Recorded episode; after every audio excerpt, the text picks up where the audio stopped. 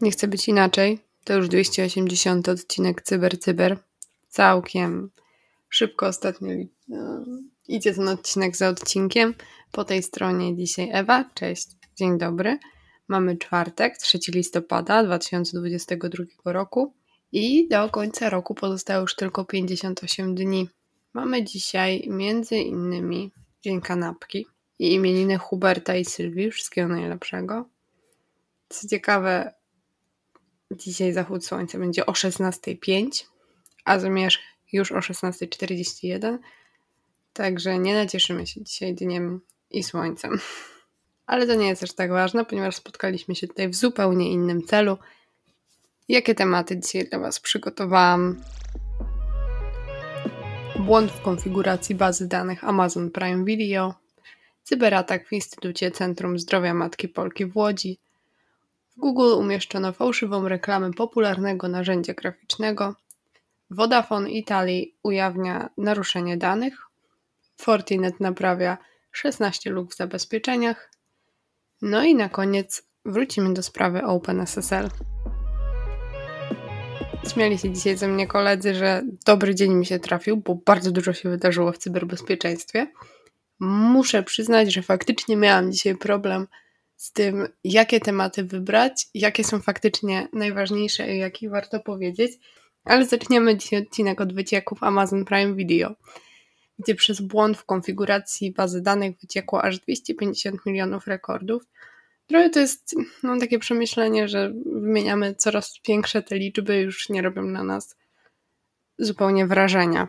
Niepokojąca jest ta tendencja. W pamięci wciąż szczególnie jest świeża sprawa Ubera czy Revoluta i teraz właśnie nadszedł czas na Amazona i być może to właśnie pokazuje, jaki mamy poziom bezpieczeństwa startupów. Całkiem marny.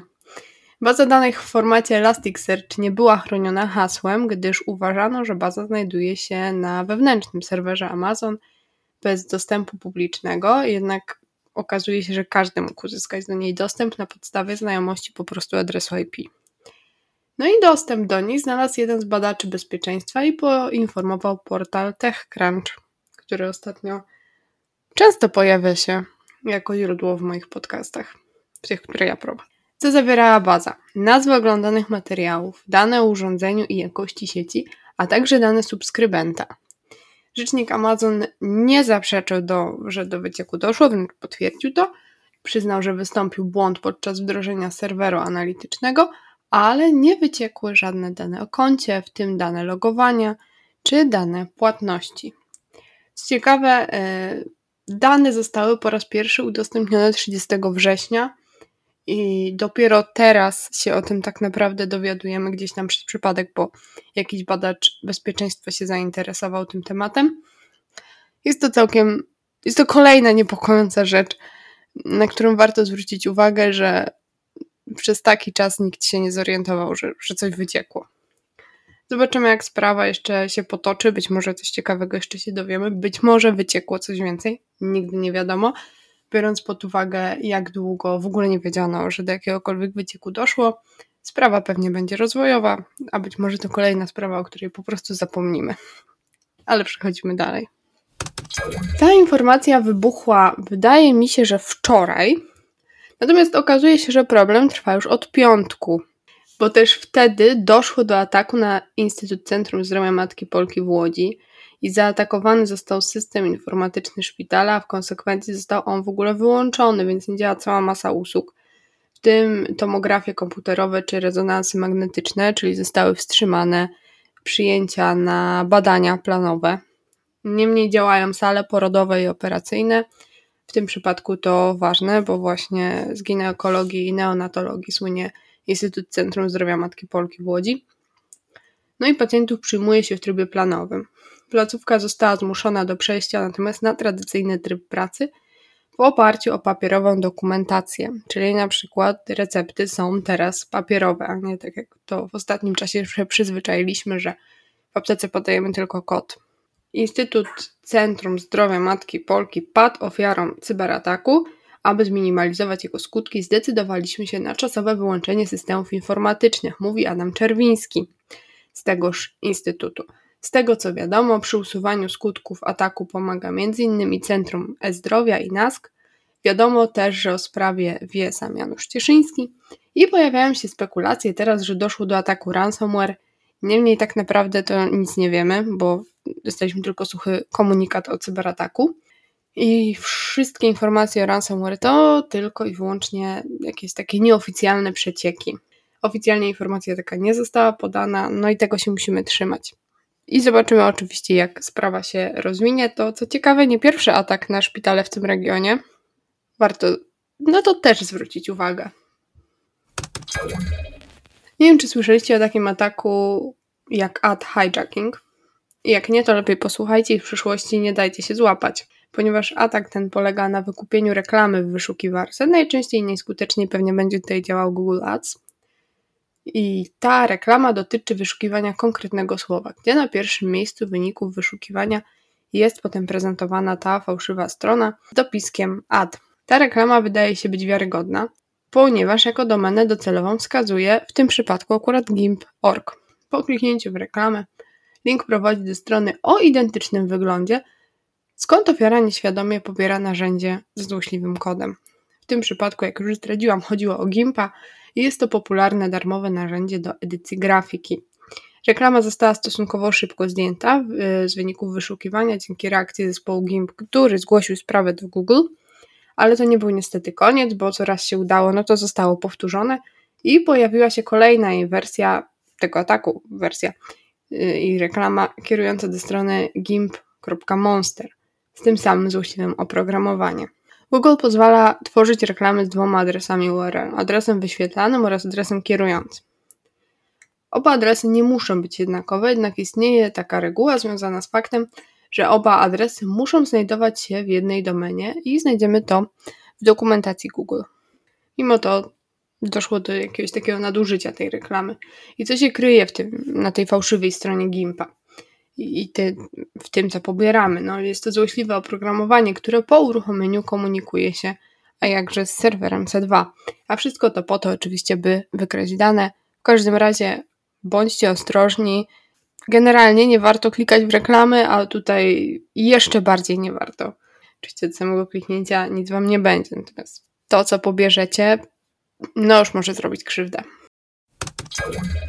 Vodafone Italy wysyła do klientów powiadomienia o naruszeniu danych, informując, że jeden z jej partnerów handlowych, który działa jako sprzedawca usług telekomunikacyjnych, ucierpiał w wyniku cyberataku. Zgodnie z zawiadomieniem, cyberatak miał miejsce w pierwszym tygodniu września i skutkował ujawnieniem wrażliwych danych subskrybenta. Ciekawe, że znowu mamy jakiś wrześniowy atak i dopiero teraz się o nim dowiadujemy. Ujawnione informacje obejmują szczegóły subskrypcji, dokumenty tożsamości, te już, które zawierają one dane wrażliwe czy dane kontaktowe, ale nie wyciekły hasła. Vodafone wzywa odbiorców powiadomień do zachowania czujności na przychodzące wiadomości, no bo po prostu wzrosło teraz ryzyko, że ci klienci, którzy ucierpieli w wyniku wycieku, będą ofiarami phishingu czy różnych oszustw. Nie wiadomo, czy ma to związek z tym wyciekiem, ale 3 września tego roku grupa hakerów nazywająca siebie Calvin Security zgłosiła atak na firmę telekomunikacyjną i zaoferowali na sprzedaż kolekcję 295 tysięcy plików o łącznej pojemności 30, 310 GB. W tym czasie firma Vodafone odpowiedziała na pogłoskę o, o tym, że doszło u nich do naruszenia danych krótkim oświadczeniem, w którym stwierdzono, że nie znaleźli dowodów na jakiś nieautoryzowany dostęp na, do wewnętrznych systemów informatycznych firmy, ale będą kontynuować dochodzenie. Póki co natomiast nie skomentowali, czy ten teraz odkryty wyciek jest powiązany z tymi wiadomościami z września, ale to kolejna rozwojowa sprawa, więc warto mieć to na uwadze. Przechodzimy teraz do krótkiej wiadomości o tym, że firma Fortinet zajęła się 16 lukami w niektórych produktach firmy, z czego aż 6 błędów otrzymało wskaźnik wysoki. Jednym z poważnych problemów jest trwały XSS na stronach dziennika FortiADC. Niektóre z tych błędów można wykorzystać zdalnie bez uwierzytelnienia. Natomiast jednym z problemów, które teraz rozwiązała firma, jest wstrzykiwanie polecenia śledzone jako CVE 2022 33870 z. Umożliwia uwierzytelnionemu napastnikowi wykonywanie poleceń za pomocą specjalnie spreparowanych argumentów już istniejących poleceń. FortiCM jest też podatny na lukę, która natomiast umożliwia lokalnemu napastnikowi z wiersza poleceń wykonywanie operacji na serwerze Glassfish bezpośrednio za pomocą zakodowanego hasła. Te luki w zabezpieczeniach można oczywiście wykorzystać do eskalacji uprawnień, do ataków XSS, to już wspomniałam, do pozyskiwania poufnych informacji, ataków DOS, omijania zabezpieczeń, zmiany ustawień i wykonywania dowolnych poleceń. Mówiłam ostatnio o bugu w OpenSSL i stwierdziłam wtedy, że nie ma co spekulować i zobaczymy tak naprawdę, co się wydarzyło, chociaż zapowiadały się oczywiście bardzo poważnie. Natomiast zobaczyliśmy przedwczoraj, bo wtedy wyszła łata i wyszło, mm, wyszedł opis, co to właściwie było. No i były to dwa buffer overflowy, których krytyczność należało zmniejszyć. To znaczy jednego z nich, bo okazuje się, że drugi od początku krytyczny nie był. Najnowsze wady początkowo wydawały się stwarzać ryzyko zdalnego wykonania kodu, natomiast późniejsze prace wykazały, że zabezpieczenia przed przepełnieniem stosu na tych nowoczesnych platformach łagodzą potencjalne nadużycia. Nic nie wskazuje na to, że którakolwiek z wad została nadużyta. Niemniej została wypuszczona aktualizacja i należy ją oczywiście wdrożyć.